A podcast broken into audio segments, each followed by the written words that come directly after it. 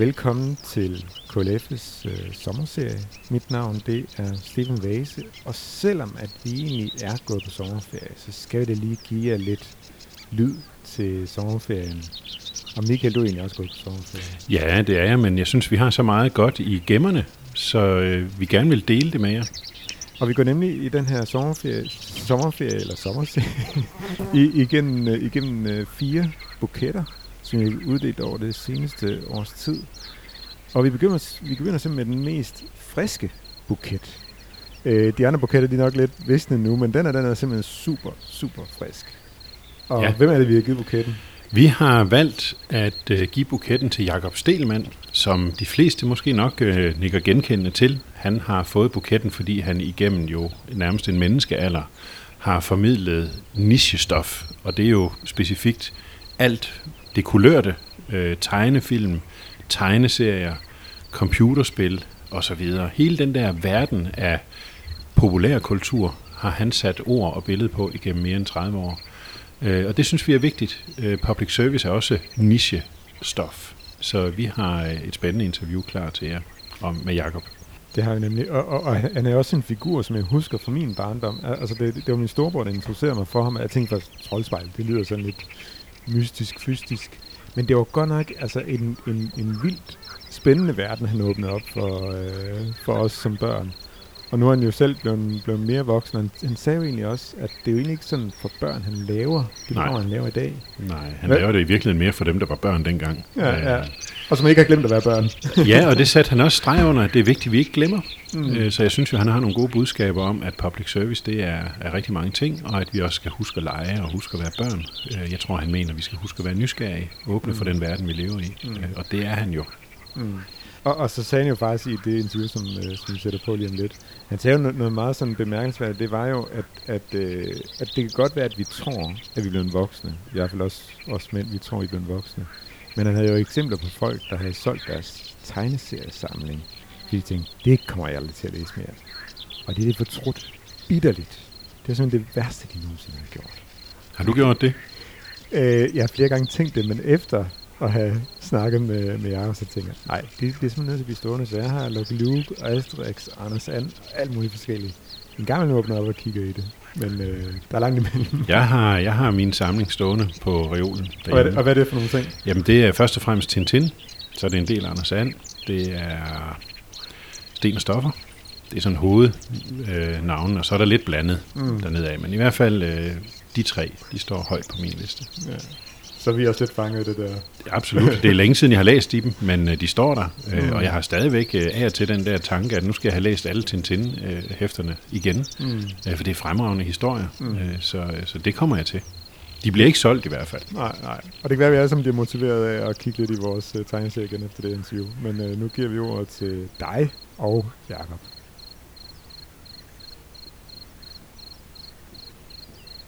Det var begrundelsen for, at vi sidder her i dag ja. og har fået lov til at møde dig her i, dit, i din hule, vil jeg ja, næsten ja, sige. Ja, det er det jo. Og ja. det, det, er jo, det er jo det, der er ved, du kaldte det niche i jeres begrundelse, og det er jo et fint udtryk for, at det er lidt gemt væk, øh, samtidig med, at det jo er bredt og nødes af rigtig mange mennesker, så ja. det, er en, det er en stor hule. Det er det. Jakob, hvordan opstod ideen til Troldspejlet, og måske i virkeligheden også, hvad er din egen indgang til det her stofområde? Det hele kommer fra barndommen, hvad gør ikke det? Men, men for mig begyndte interessen for tegneserier og tegnefilm at begynde i teenageårene, begyndte i teenageårene, hvor jeg, jeg kunne ikke lade være med at være interesseret i de ting. Og, og, og, og jeg oplevede, at der i samfundet omkring mig, blandt lærere, forældre og andre voksne, var en, en mistro og sådan nærmest ringeagt til de her ting, som jeg elskede. Og det var sådan et kontrast indvendigt at sige, hvorfor Hvorfor kan de ikke lide det? Øh, hvad er der galt? Øh, øh, øh, og jeg synes jo ikke, der var noget galt. Så jeg tror, jeg begyndte allerede tidligt at lede efter gode argumenter. Og samtidig lysten til at fortælle andre mennesker om det. Også folk, der måske ikke interesserede sig for det. Det, det, det var det, der startede det. Og ideen til Troldspejlet kom egentlig af, at jeg jeg, var, jeg havde et samarbejde med BAU og med DR omkring tegnefilmprogrammer og snakkede tit med dem. Øh, og så på et tidspunkt havde de planer om at lave et magasin om medier for børn. Og så, så sagde de, var det noget, du kunne tænke dig? Og så sagde jeg så, ja, Men det kunne jeg virkelig godt, og jeg vil gerne lave et program om fantasy, for det var på vej frem på det tidspunkt. Alle de mytologiske og spændende eventyr med fra Tolkien til Star. Wars. Og så fik jeg simpelthen lyst til at, at, at, at fortælle om det, og så, de fortalte mig så, at du kan lave et program, der hedder Mediemagasinet, og så øh, blev vi enige om at finde på noget andet, og, og, og, og jeg fik serveret en masse titler af nogle, jeg kontaktede flere af mine kolleger og sagde, hvis jeg skal lave sådan et program, hvad skal det så hedde? Og da jeg så navnet Troldspejlet, der, der sprang det bare op som, jeg ved ikke helt, hvad det betyder, men det, det, det virker. så det har det heddet lige siden? Ja. Det virker som om, at du øh, går lige meget op i alt, hvad der ligger inden for troldspejlens øh, sådan genreområde. Du lader til at have samme begejstring for det hele. Kan det virkelig lade sig gøre? Altså, er det den dygtige formidler, eller er det barnlig begejstring? Det er en kombination. Altså, jeg fandt jo tidligt ud af, at hvis jeg skulle lave et program en gang om ugen, kunne jeg ikke trække på min egen viden alene. Jeg måtte have en redaktion, der måtte være folk, der hjalp mig, specialister, også fordi jeg ved jo, at når først man dyrker et eller andet emne, sådan øh, virkelig kaster sig ud i det, så ved man rigtig meget, og så vil jeg ikke kunne, kunne hamle op med det. Så i virkeligheden har jeg været i alle årene en, en formidler af nogle oplysninger, jeg enten havde selv, eller havde andre til. For eksempel spillene, øh, hvor jeg langsomt øh, øh, måtte se i øjnene, jeg kunne ikke spille det hele selv, selvom det ville have været sjovt, og fik folk på til at hjælpe mig, øh, så jeg til sidst er blevet øh, det, man kalder backseat gamer, det vil sige, at jeg kigger over skulderen på folk, mens tegneserierne og filmene øh, er, er noget, jeg har holdt ved. Og, og, og, og, og, og, men begejstringen kommer nok af, at, at jeg både altid synes, det er spændende. Altså, øh, og hvis jeg nogle gange bliver træt af det, så går der ikke så lang tid, så synes jeg, det er spændende igen. Øh, øh der skal ikke så lang ferie til, at jeg begynder at blive restløs og tænker, hvornår kommer der noget spændende nyt. Men den anden ting er jo, at, at øh, øh, jeg også føler, at det er emner, som stadigvæk øh, bliver betragtet nogle gange lidt med sådan overbærendehed af sådan noget pjat. Og der, der er altså en vis kampånd i mig, mm. der får lyst til at sige, altså, det skal I ikke komme og sige, så, så, så jeg indimellem godt vil kæmpe for ting, som, som måske ikke er så velanskrevne. Og så vil jeg så sige, det er jo blevet anderledes, end da programmet startede, mm. fordi øh, øh, der er jo ingen, der i dag ikke vil sige, at en superheltefilm er god, hvis den er god. Mm. Det vil selv øh, pæne mennesker indrømme. Vi spurgte også Jakob Stegelmann om, hvor længe den her fascination af noget, som nogen måske oplever som barnligt, kan blive ved. Bliver Jakob Stelmann der aldrig voksen? Øhm, jeg, Øh, jeg ved ikke, hvad det vil sige at være voksen helt præcis. Jo, jeg ved, at der er noget involveret, der hedder øh, øh, termin, i visse situationer græsslåning, øh, betaling af regninger, et, et, et, noget politisk. Der er nogle ting, man skal gøre som voksen, øh, som man ikke skulle gøre som barn. Men det er ikke til at komme udenom, at den barnlige glæde, man havde som barn ved de gode historier, den er det rigtig godt at tage med sig. Så jeg, jeg vil sige, øh, øh, voksenlivet bliver kun for mig at se rigtig godt, hvis man bibeholder øh, noget af, af den barnlige leg. Hvis man lægger det hele til side og, og lægger sine tegneserier, eller sælger dem. Og jeg har kendt mennesker, der i svagt øjeblik solgte deres tegneserier, fordi nu skulle de jo ikke have dem mere. Mange af dem at bruger mange penge på at gå rundt i antikvariater og få dem genkøbt. Så øh, øh, ja, øh, det er en god blanding af, af barn og voksen er vigtigt, tror jeg. Hvad tænker du, det betyder for os som samfund, at der er plads til nichestof, hvis vi skal blive ved med at kalde det det, på de her store public service medier? Altså det, at det er en del af den samlede sendeflade. Altså jeg synes jo, det er grundlæggende derfor public service er der. Mm. Fordi jeg ved jo, at program som Troldspejlet ville aldrig kunne være lavet på en kommersiel station. Øh, dels ville, ville øh, der være øh, problemer med overhovedet at få nok seere altid, fordi det er et lille program. Det har haft mange seere, da vi var et børneprogram i 90'erne, og der var ikke var så mange andre tv-kanaler, og der ikke var YouTube. Men, men public service betyder jo også, at man kan blive fri af kommersielle interesser. Det vil sige, at jeg behøvede ikke, jeg kunne godt sige noget negativt om et Playstation-spil, uden at få Sony på nakken, som muligvis ville have skulle sponsere programmet, øh, hvis vi skulle lave det kommercielt. Så public service har jo en klar funktion i kulturformidling, synes jeg, i at kunne have øh, ryggen fri og sige, at vi siger, hvad der passer os. Øh, så på den måde mener jeg jo, altså i alt altså beskedenhed, at troldspejlet er, er det, der hedder public service, mm. sådan en definition på det, at få lov til at kunne lave den slags ting, selvom det ikke er øh, et, et, et, et, et, program, der ses af millioner. Mm-hmm. Jeg må indrømme, at jeg har ikke selv været trofast seer af troldspejlet sådan igennem årene, men jeg har en klar oplevelse af, at jeg ikke har kunnet øh, sappe forbi det, når jeg har mødt det på min vej igennem medielandskabet. Øh, og, og, og jeg sidder med sådan en følelse af, at det på en eller anden måde er, er et dragende univers. Kan du, kan du følge mig? Altså, rammer du nogen, rammer du en større bredde, end du måske havde tænkt, fordi universet er på en eller anden måde dragende? Altså, øh, det er jo dragende ind til en vis... Altså, det er jo, det er, jeg er jo selv draget ind i det. Mm. Jeg er jo selv ramt af det. Øh, og det er jo fordi, at det er en verden, som ikke bare er en parallel verden til vores, hvad skal vi sige, den såkaldt virkelige verden. Det er Øh, øh, en verden, øh, øh, som jeg mener giver en masse øh, interessante vinkler på den virkelige verden. Altså tag Tolkien og hans Ringenes Herre, øh, Star Wars. Det kan godt være, at der ikke er direkte virkelighed i Star Wars, men der er absolutte interessante ting. Hvorfor bliver Anakin Skywalker til Darth Vader? Øh, hvorfor skal hobbitterne slå ud og slås, øh, selvom de er så fredelige? Alle de der elementer, der er, øh, og hvorfor er Anders And øh, sådan en, en underkudet person, og hvordan kan det være, at han kan komme igen hver evig eneste uge og tro, det kan lykkes denne gang, selvom han burde vide, at der kun er fiasko i horisonten.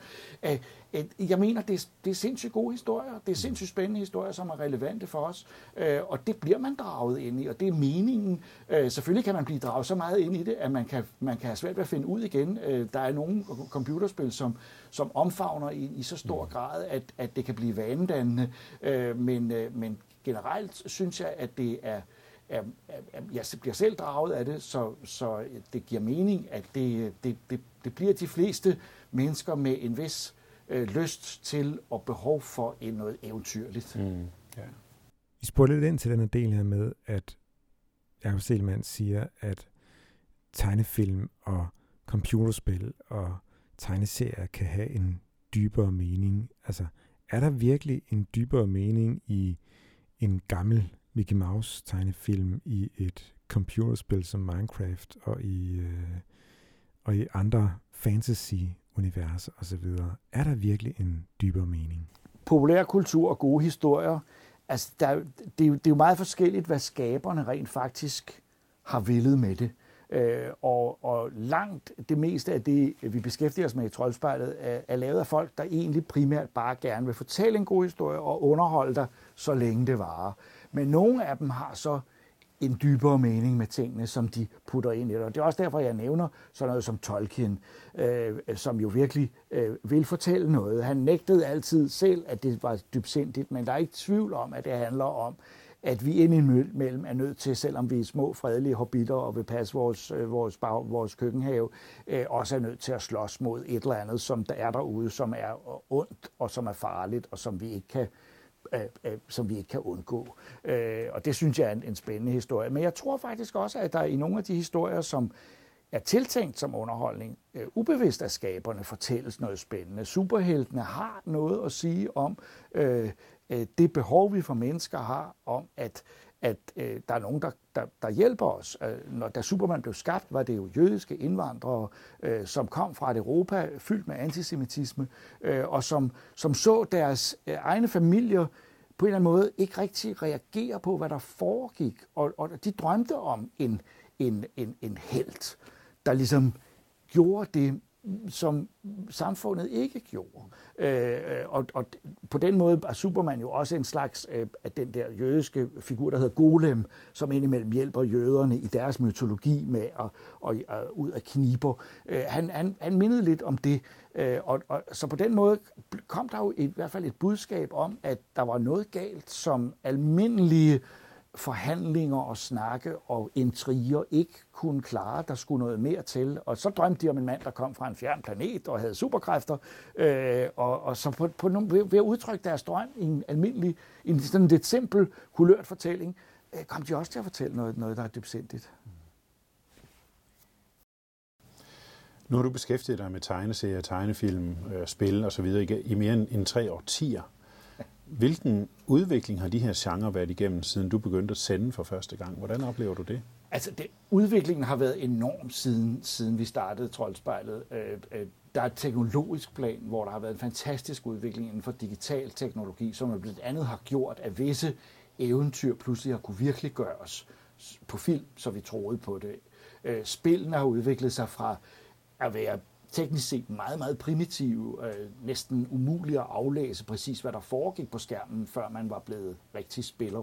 Øh, mens det i dag er super realistiske universer, man træder ind i, til med måske i VR. Mm. Så der er sket et, et enormt, øh, og samtidig med, at der er kommet rigtig mange penge ind i det, det er blevet stor industri, øh, og det er både øh godt for visse dele af, af, af den verden, men selvfølgelig også øh, skidt, men der er blevet et, et, et enormt publikum til det, også meget større. Og så er der også sket noget, som var, for mig er meget vigtigt, at da Troldspejlet startede, der var, sagde alle, om det her det er et program for, for drenge.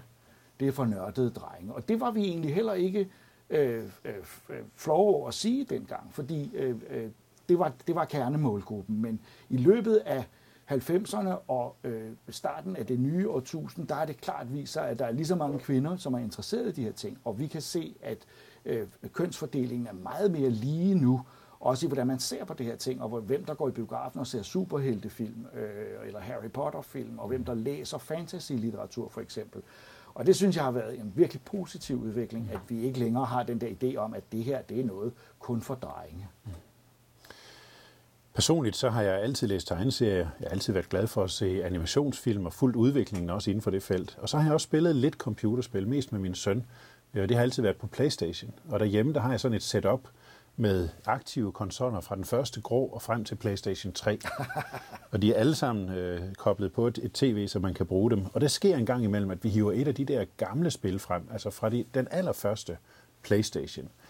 Og så får vi nogle gange oplevelsen af, at ja, grafikken den er jo håbløs. Mm. Øh, et rallyspil fra den gang, jamen man kan næsten ja. ikke se, hvad der er bil og hvad der er omgivelser, men det virker. Ja. Men det særlige er, at jeg oplever, at gameplayet nogle gange er helt ja. fantastisk ja. godt. Ja man bliver på en eller anden måde suget ind i det, mm. selvom grafikken, mm. også set især med nutidens øjne, jo er håbløs.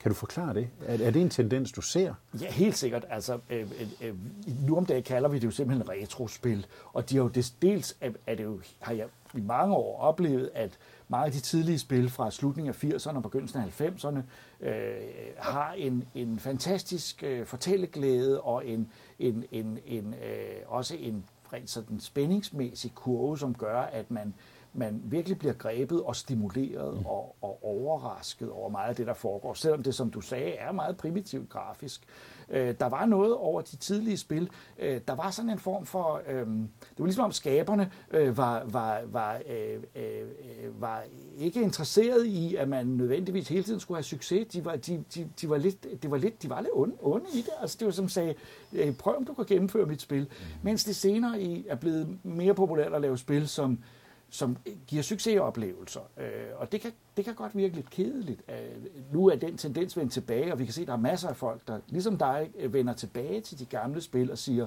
og der laves nye spil, som virker som de gamle spil, fordi der var altså noget ved spillene i 80'erne, øh, den primitive grafik, også lyden, som var sådan lidt, lidt nogen synes, det var irriterende, vi andre synes jo, det var smukt, øh, men sådan er det, øh, øh, som bare gjorde, at de, at de, øh, de havde noget umiddelbarhed og noget, noget friskhed i sig. Øh, måske også fordi det ikke var så kommercielt øh, velovervejet, som det er i dag, øh, hvor især de store spil fra de store firmaer, øh, mm, det, det, det virker som om, det er, det er, der er store kommercielle kræfter bag, så de er også nødt til at tænke kommercielt hvor nogle af de tidlige spil måske var lidt mere umiddelbare og lavet af, af lejeløst, uden egentlig bag, store bagtanker. Ja, for lige det sidste, du siger her, det er jo netop det, jeg oplever. Altså, et gammelt uh, Need for Speed-spil uh, på en Playstation, jamen det er lige til at gå til. Mm-hmm. Det er ikke så kompliceret. Uh, reglerne er til at forstå, ja. hvor, hvor de nye spil jo i høj grad også er blevet mere komplekse. Ja. Så måske man kan lære noget af den tid. Jeg tror, jeg tror at spilmagerne gør det lige for øjeblikket, ja. og, og man oplever, at der er en drejning i retning af at gå tilbage og se, hvad var det egentlig, vi havde fat i der? Er der noget af det, vi kan, vi kan genbruge? Og, og, som, og der er kommet nogle spil, som er så svære mm. øh, platformspil at gennemføre i dag, så det, så det minder om nogle af de sværeste spil fra dengang, som jo immer væk kunne være sådan, så øh, hvis man talte med nogen, der var kommet ud over første bane, så vidste man, at det enten var nogen, der løg, eller virkelig var dygtige. For mig at se, så er der sket en væsentlig, eller en, en væsentlig del af formidlingen i, i, i de her øh, genrer, afhænger også af, hvilket selskab, der står bag for eksempel film og spil. Mm. Du siger også, at der er en, en kommercialisering. Øh, og der sker måske også sådan en eller anden global øh, sådan, øh, konsolidering. Mm. Firmaerne bliver større og større og opkøber hinanden. Ja. Øh, hvordan præger det markedet, altså, øh, og hvad betydning har det for det, der bliver produceret? Du var sådan lige lidt inde på det. Altså monopoliseringen er stor, fordi de store virksomheder øh, samler sig sammen og opkøber hinanden. At Disney er et eksempel, et firma, jeg har vist produkter og film, jeg altid har holdt meget af, men hvor jeg må se med en vis skepsis på, at de, øh, de samler sig sammen og får øh, for, meget, for meget magt. Øh, mm. og, og der kan jeg jo så se omvendt, at, at øh, heldigvis er, har, har internettet øh, betydet, at mange mindre spiludviklere og filmproducenter har kunnet komme frem med deres ting, fordi man kan få en direkte kontakt til publikum, men det er super svært, mm. øh, og det er stadigvæk de store kommercielle kræfter, der, der er de globale øh, spillere og dominerer markedet, øh, og det er bestemt ikke nogen god udvikling. Det har tilført genren mange gode ting. Da Disney købte Marvel, begyndte vi at få nogle meget bedre øh, film med Marvel-superheltene. Men vi ser også en, øh, en negativ udvikling af, at de simpelthen øh, ejer for meget, mm. øh, og der er for lidt modspil og for, for lidt konkurrence. Og at de små producenter har morderligt svært ved at komme, mm. komme op og ud med deres ting. Og det er, som kunder er vi også nødt til indimellem at se på os selv og sige, kigger vi godt nok efter? Og det har altid været en af missionerne i Troldspejlet, at, at også pege på nogle af de helt obskure ting. Altså jeg kan nogle gange, så, hvis vi skulle anmelde film i gamle dage, så fandt jeg altså VHS-kassetter i tilbudskasserne øh, i supermarkederne og tænkte, den her, den ser ud som om, den har brug for at blive omtalt, for den er der ingen, der lægger mærke til. Og det er altid, det er både en passion for mig selv at, at vise det frem, men jeg synes også, at det er vigtigt, at vi som brugere af kultur øh, indimellem går lidt ned forbi de Øh, øh, hvad skal man sige, de store ting, der sælges os på, på store reklamer, og kigger, er der et eller andet i en kasse herover, mm. som kunne være interessant, fordi der kan være noget genialt, der gemmer sig. Mm. Nu skifter jeg lidt vinkel. Du har sammen med, med DR Koncerthuset også stået for nogle musikalske aftener, øh, hvor for eksempel gamingmusik har været i fokus. Hvor langt er det muligt at nå ud med en niche? Ja, altså, øh, det bliver man jo overrasket over, fordi da vi lavede de første koncerter, var jeg jo, altså, jeg vidste, musikken var god. Jeg ville meget gerne høre den spillet af et symfoniorkester, mm. øh, fordi det er en utrolig oplevelse, men om der var publikum til det, det var jo umuligt at vide, og det viser, at, at det kan altså godt fylde øh, koncertsalene og spille den musik, dels fordi det er musik, der betyder noget for rigtig mange mennesker, mm. øh, så på en eller anden måde øh, øh viser øh, det, man kalder nisset sig at være meget bredt kulturelt. Øh, og pludselig har man nogle koncertsale fyldt med nogle mennesker, der faktisk ikke har været i en koncertsal før, mm. eller måske ikke så mange gange. Øh, og pludselig mærker man, at øh, musikken i filmen og spillene har en, en, en, en, helt, en helt ny dimension, eller en helt anden dimension, end de var, da man, da man, da man så det sammen med billederne. Mm. Øh, og for mig har det været en, både en åbenbaring for mig selv, øh, men også øh, øh, fantastisk at mærke, at publikum øh, gerne vil høre de her ting, og at symfoniorkesterne, øh, og tak for det, gerne vil spille det, fordi øh, øh, det er jo ikke det samme som Beethoven og Mozart, øh, men nogen vil jo sige, at det indimellem tangerer det. Mm. Jeg synes, det er meget spændende, at, I også, øh, at du også tør tænke ud af boksen på den måde. Jamen, altså, det, det har været en fantastisk oplevelse at prøve, og, og øh, øh, et eksperiment, det skal, det skal, det skal prøves altså. Meget af det her, det foregår jo på skærme. Ja. Ikke lige tegneserierne måske, men filmene og spillene osv. Tænker du, med den tid, du har beskæftiget dig med det her emne, at, at, at vi bruger for meget tid foran skærme i det samfund, vi lever i i dag?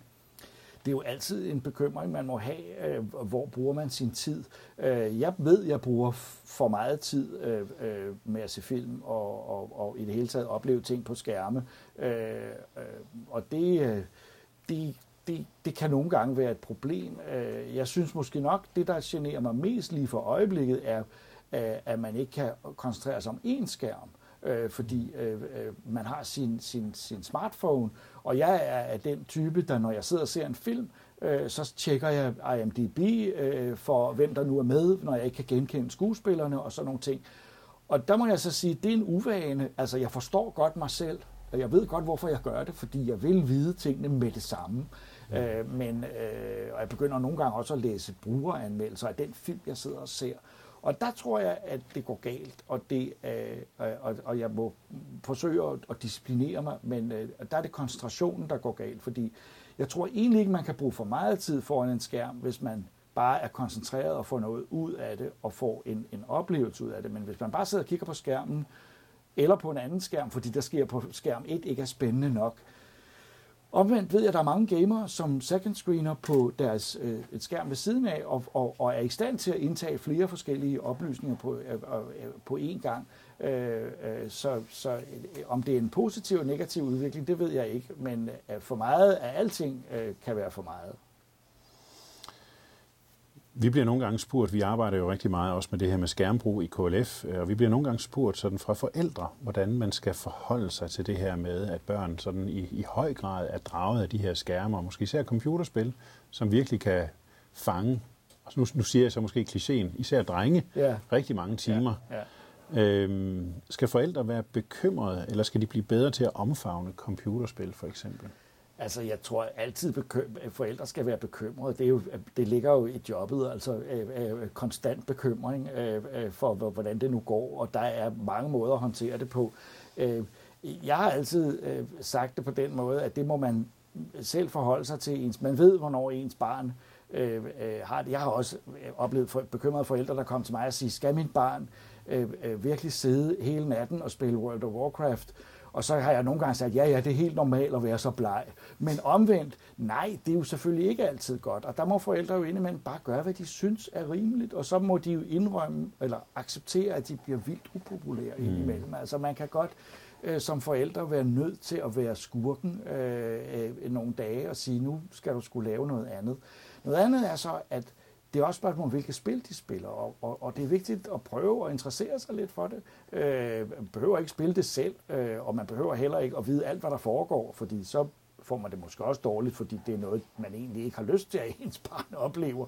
Men omvendt må man også forstå, at mange af spillene er jo social media på en anden måde. Der er masser af kontakt. Det oplevede vi øh, under covid, da det var værst, og folk, skolebørn var, var låst inde, øh, at de havde en stor kommunikation med hinanden øh, via forskellige spil. Øh, så, så jeg synes ikke, der er nogen regler for det, men jeg tror nok, forældre må, må gøre... Øh, som de synes, i stedet for at spørge andre om råd, så sige, jeg, jeg, jeg gør, som jeg synes, men acceptere, at der er altså nogle børn, der, der, eller, der, der ikke vil acceptere det umiddelbart, og så får man et slagsmål, og øh, ja, dem har jeg også haft en del af i min familie, og øh, jeg har vundet nogen og tabt nogen. Og det er en del af det.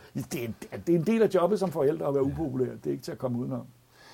Inden øh, jeg, øh, eller mens jeg forberedte mig til den her snak med dig, der spurgte jeg ChatGPT om, øh, hvilke tegnefilm, øh, tegneserier og computerspil, der er de mest banebrydende nogensinde. Altså banebrydende? Mest banebrydende. Okay, ja. det, var, det var mit spørgsmål Ja, meget ja, konkret. ja. Jeg kunne godt tænke mig, at du forholder dig til de her tre lister. Der er Ja. syv øh, bud på hver liste. Uha. Øh, så dem læser jeg højt for dig, og så Ja. vil jeg bare sådan din kommentar, din spontane kommentar ja, til de ja, her. Ja, ikke? ja, Øh, de, de syv mest banebrydende tegnefilm, ja. der bliver nævnt nummer et, Steamboat Willie fra 1928. Ja, ok. Snevide og de syv små dværge fra Ja. 1937. Ja, Fantasia fra 1940. ja, Akira fra 1988. Ja. Toy Story fra 1995. The Simpsons fra 1989 og frem, mm-hmm. parallelt med Troldspejlet. Mhm. ja, ja, ja. Og South Park fra 97 og frem. Okay. Ja. Hvad tænker du om den liste? Øh, den er spændende. Alle sådan nogle lister er meget irriterende, fordi man er aldrig enig med dem. Øh, og jeg, jeg hader at være enig med lige præcis ChatGPT, fordi øh, øh, øh, jeg ved bedre end den. Øh, men ikke desto mindre må jeg sige, at det er et ret godt udvalg. Øh, jeg savner noget af den anden japanske øh, anima- animationsmester. I stedet for Akira vil jeg hellere have Totoro ind, som er Miyazaki, som jeg synes er en mere mild og vidunderlig film, øh, som jeg har lidt brug for, der er med på denne her liste. Og så synes jeg måske South Park var mere et modefænomen, øh, øh, og øh, måske ikke har plads på listen, hvorimod jeg hellere kunne tænke mig en af Tex Averys gamle tegnefilm øh, fra, fra 40'erne, øh, hvor der er total gang i, i det surrealistiske, mangler måske lidt på den liste. Men der er jo en del hits der, og Steamboat Willie som den første Mickey Mouse-film, og første tone tegnefilm, og Snevide, jo, de er, de er med. Altså, blandt Disneys film er Pinocchio nok den, der står mit hjerte nærmest, så jeg er lidt utilfreds med, at den ikke var med. Men, øh, men øh, øh, en acceptabel liste. Nogenlunde godkendt. Nogenlunde. Godt, så prøver vi med tegneserier. Oh, oh. Der er også syv på den her liste. Ja. Uh, The Yellow Kid Det er en gammel en fra 1895 til Ja, ja, 1898. ja, ja. Superman fra 1938. Batman fra 1939. Tintin fra 29 til 76. Maus fra 80 til 91. Watchmen fra 86 til 87. Og Persepolis fra 2000 til 2003. Ja, det er, ikke- nej, den liste, den, den er god. At- Der er ikke nogen af de serier, der er dårlige, men øh, der mangler altså lige en del ting. Øh, altså, det, Yellow Kid er jo rigtigt, fordi historisk set var det den, den første tegneserie, men det var ikke banebrydende. Det synes jeg derimod, Knold og Tot eller Lille Nemo var fra den periode. Jeg er rasende over, at Anders And ikke er med som tegn, fordi Det tænkte jeg nok. det, det, det går jo ikke vel. Og jeg synes også, at Asterix mangler, øh, og at øh, at Batman og Superman, ja, øh, Øh, men hvis man siger Watchmen, det er jo taget en afart af, af Marvel, så der burde være Spider-Man med på listen. Øh, og Persepolis er jo en stor grafisk roman, som, som har stor betydning, men hvis jeg skulle tage der, vil jeg hellere tage øh, Will Eisners En kontrakt med Gud, som er en fantastisk graphic novel øh, om, om øh, med, nogle, med, nogle, med, med en voksen historie, øh, ligesom Persepolis. Men, så den, den liste der, ah, Den er ikke helt ej, bestået. nej. Nej. Men det er jo det med kunstig intelligens. Ja, ja, præcis. Det er derfor, vi spørger en rigtig intelligens. Ja, ja, netop. Naturlig intelligens. Den, den sidste liste, det er jo så computerspil. Ja. Der er også syv. Ja, Pong fra 1972. mm, ja, Space Invaders fra 78. Ja. Super Mario Bros. fra Ja. 85. Doom fra 93. Half-Life fra 98. okay, ja. Grand Theft Auto 3 fra Ja. 2001. Ja. Og Minecraft fra 2011. Ja, altså de er alle sammen banebrydende, og, og, og det er sjovt, jeg er netop lige ved at lave et arrangement, hvor vi ligesom vi godt vil, vil fremhæve, hvad var de banebrydende spil, hvad, der, de ændrede et eller andet, og det gjorde de her syv spil alle sammen. Det vil sige, den er, den er sgu ret god. Det eneste ved det er, at der skulle være nogle flere på listen, så de der syv, det er sådan, hey, i har lige glemt, men det, der er ikke nogen, der er forkert, vil jeg sige, i, i, i min bog. Det er alle sammen nogen, som, hvor der, da de kom, skete der et eller andet. Mm-hmm. Så det er sådan set den bedste af de tre lister. Ja, det er det faktisk. Ja. Ja. ja. Det synes jeg. Så synes jeg jo, det kunne være sjovt nu at spørge dig som noget af det sidste her om, hvis du nu selv skulle fortælle os, hvis du nu måtte anbefale en, anim- det behøver ikke være banebrydende, hvis du skulle anbefale en animationsfilm, et computerspil og en tegneserie, hvad skal vi så have med herfra i dag? Øhm, ja, altså, øh, øh, jeg vil sige, at hvis vi starter med øh, tegnefilmen, animationsfilmen, øh, øh, så vil jeg netop vende tilbage til, at jeg vil, jeg vil godt have, at alle mennesker ser Miyazakis Totoro. Øh, det er den smukkeste og øh, mest øh, eventyrlige og samtidig så den gribende øh, tegnefilm, der findes. Alle hans film er på en eller anden måde interessante, men den, den synes jeg virkelig skal frem. Og jeg skulle selvfølgelig have sagt en Disney-film, øh, øh, fordi det er jo ligesom det, der startede det hele, men, men øh, jeg synes, det er vigtigt at gøre opmærksom på noget, som alle måske ikke har set. Øh, spilmæssigt, øh, der vil jeg sige, at øh, der vil jeg, ja, der er mange forskellige spil. Jeg kan jo godt lide nogle af de lidt mere niche, men jeg vil jo også se Super Mario på den ene side, øh, og på den anden side er der nogle platformspil, som, som er gået lidt videre end det. Øh, øh, øh jeg holder meget af et, der hedder Earthworm Jim, øh, som, som er så lidt mere vanvittigt platformspil end Super Mario, der ligesom er blevet sindssyg. Øh, og det er jo det, man nogle gange kan opleve i de her spil, kontrolleret vanvid, øh, fordi der er opgaverne endnu mere tosset. Det er også et retrospil fra dengang, så vi er tilbage i 90'erne, men øh, så hvis ikke jeg skulle sige Super Mario, så vil jeg sige det. Og nu har jeg jo selvfølgelig brudt reglerne for at nævne én ting, men det er jo, det, når man snakker, kan man jo have lov til det. Og så, så var det til sidst, var det så en, En en tegneserie. tegneserie. Øhm, ja.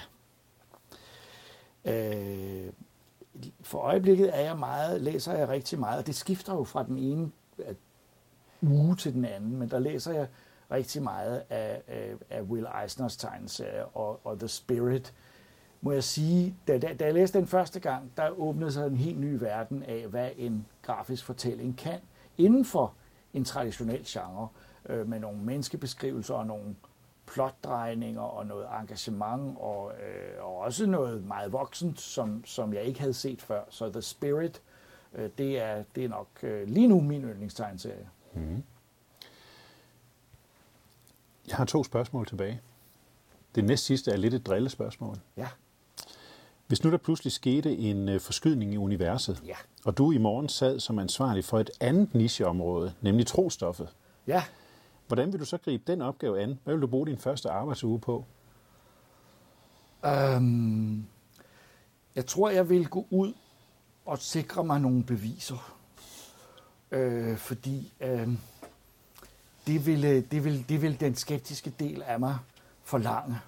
Øh, og hvis jeg ikke selv øh, på en eller anden måde øh, var, var, øh, øh, havde noget i, af den slags øh, håndgribeligt, så ville jeg have svært ved at komme videre med det. Så det vil nok være det, jeg vil gøre. Spændende svar. det sidste spørgsmål, det er, hvad betyder det for dig, at vi som forening KLF Kirke og Medier øh, giver dig buketten for det, du laver?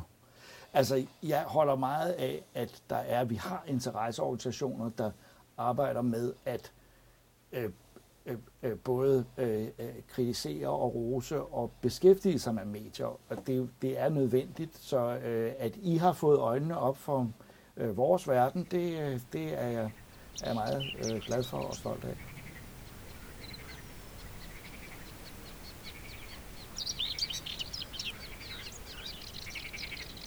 Og det var så øh, ordene fra Jakob Selmann. Og øh, Michael, vi skal jo ikke sådan sige direkte, hvad det er for en buket, vi skal, vi skal høre næste gang. Det kan være, at folk ved det, hvis nu de har lavet fuldt godt med i vores magasin, så kan det være, at de ved, hvad det er for en, øh, hvad det kunne være. Men vi har talt om, inden vi gik i gang, at vi skulle give folk en ledetråd. Og hvad vil du give af ledetråd til den buket, vi skal tale om næste gang? Jeg, øh, vi står lige her og peger lidt på alt muligt. Øh, jamen, jeg tror, jeg vil sige, at det er, øh, det er nogle af Danmarks smukkeste stemmer. Spændende. Og øh, min ledetråd, det er... Den danske sang er en ung blond pige. Og jeg er simpelthen i tvivl om, må man godt stadig synge den? Ja, det Men må jeg man. synes, det, det, det er Det en synes jeg. fantastisk fin sang. Det synes Så jeg. øh, nu, kan, nu kan I prøve at øh, tænke over, hvad det kunne være, indtil vi er klar med næste udgave af vores sommerserie, som kommer den 7. juli. Vi høres ved.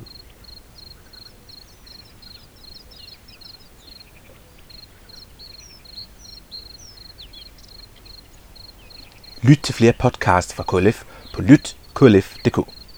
Har du lyst til at deltage i debatten om medierne, kan du følge os på Facebook. Du kan også reagere på programmer fra radio og tv på vores hjemmeside klf.dk.